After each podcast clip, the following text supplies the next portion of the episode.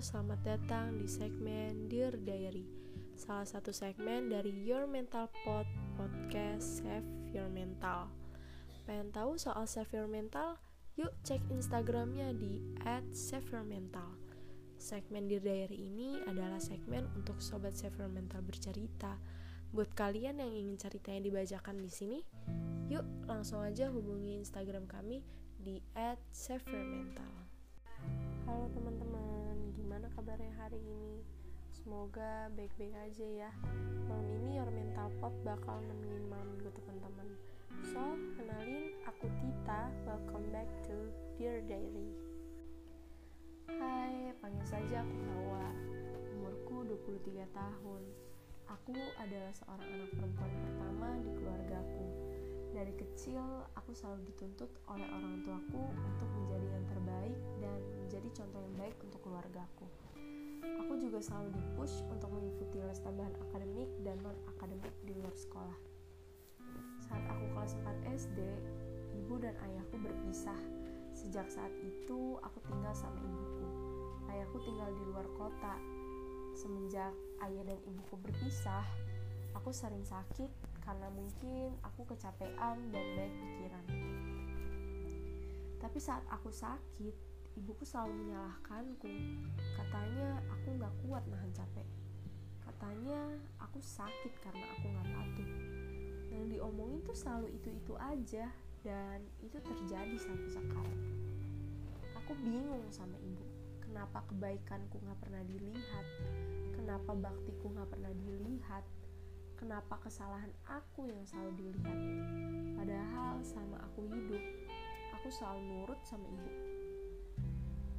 saat ini aku dipush untuk menjadi mesin cari uang aku kerja sendirian dengan gaji yang menurutku sedikit karena aku harus biayai ibuku dan dua orang adikku aku juga harus bayar kebutuhan rumah, bayar listrik, dan lain-lain. Belum lagi kalau ibu sama adik-adik mau jajan yang aneh-aneh. Oh iya, ibuku tidak kerja dan ayahku sudah memiliki keluarga baru. Ayah yang bertanggung jawab untuk bayar sekolah adik-adikku. Tapi untuk biaya hidup, ayah ngasih pas-pasan. Apalagi aku sedih banget. Ibu pernah bilang ke ayah, Katanya aku anaknya hemat keterlaluan. Padahal uangnya juga aku tabung untuk diriku sendiri dan mereka. Aku juga punya keinginan. Aku pengen ngebahagiain diriku sendiri dengan uang hasil keringatku. Aku pengen bebas, pengen makan di luar, pengen beli baju baru, pengen staycation, dan menurutku aku berhak buat bahagiain diriku sendiri ibuku selalu nganggep semua keinginanku itu sepele, buang-buang uang, dan buang-buang waktu. Aku capek-capek cari uang, tapi aku gak pernah bisa buat bahagiain diriku sendiri. Capek banget kalau ibu udah ngomong, gaji udah keluar belum? Bulan ini dapat berapa kak? Adik-adik beliin ini ya, di rumah lagi butuh ini.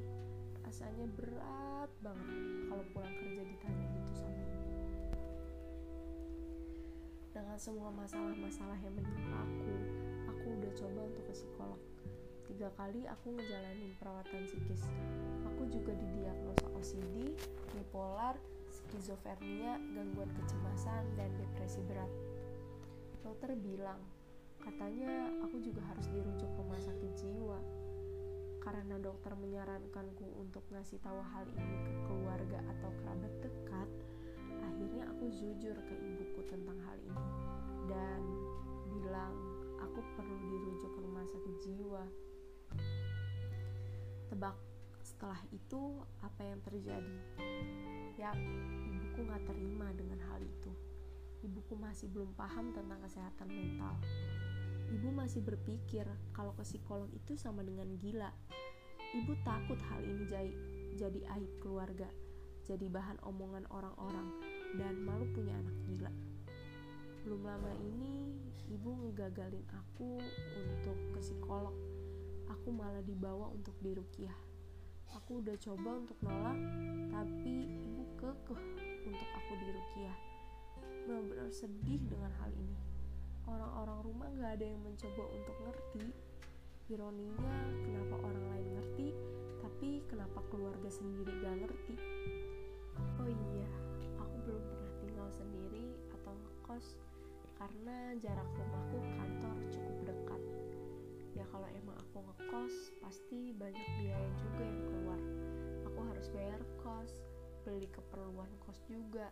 Jadi harus bayar dua kali lipat. Untuk saat ini aku pasti akan berusaha buat perawatan ke rumah sakit jiwa.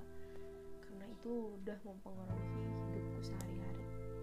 Ini sangat menggangguku apalagi skizofreniaku aku. Ikut sedih bacanya buat kamu yang ngirim cerita ini terima kasih sudah bertahan sejauh ini aku paham dengan apa yang kamu rasakan.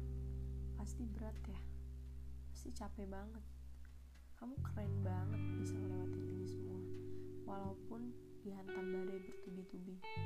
Terima kasih sudah berjuang untuk meraih bahagia di tengah terpaan cobaan yang ada. Aku tahu kamu tak sederhana. Tapi kamu selalu punya hati yang lapang untuk berbuat baik. Kamu selalu sabar menghadapi segala ujian meski harus hancur meski bertahan rasanya begitu menyesakan kan tapi kamu tetap melakukan yang terbaik. Kamu anak sekaligus kakak yang baik dan hebat. Kamu sudah berusaha membahagiakan ibumu dan adik-adikmu. Aku percaya kebahagiaan akan selalu hadir melalui kesedihan-kesedihan yang berhasil dilalui kamu sebelumnya. Untuk teman-teman, jika kondisi mentalnya ke orang yang kamu percaya atau ke ahlinya karena dengan bercerita bisa meringankan beban yang ada di pikiran kamu. Ibaratnya, sampah udah numpuk di pikiran kamu dan setelah itu kamu buang. Kamu juga bisa exercise, menulis dear diary, coret-coret kertas, dan teriak di bantal juga bisa loh. Dan untuk teman-teman dan future parents di luar sana, pembelajaran yang dapat diambil dari cerita di atas adalah bahwa anak mempunyai hak untuk hidup bahagia. Jangan terlalu membebankan mimpi, cita-cita, angan-angan orang tua ke anak, karena anak juga manusia. Orang tua juga harus memperhatikan kondisi mental anak. Jika dirasa mental anak sedang membutuhkan bantuan profesional, maka datanglah ke psikolog. Jangan menganggap datang ke psikolog sama dengan gila. Banyak orang tua yang menganggap remeh mereka menganggap seseorang yang sedang mengalami masalah kesehatan mental sama dengan lemah iman. Padahal hal tersebut dikarenakan kurangnya dukungan sosial dan malah menganggap orang yang sedang mengalami kesehatan mental itu sama dengan orang yang kurang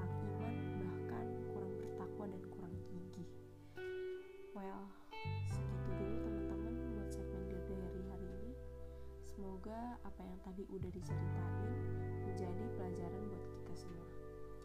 Buat kalian yang cerita yang mau di-share, boleh DM ke Instagram kami at. Aku Tita, sampai jumpa di segmen Dear Diary episode selanjutnya. Bye!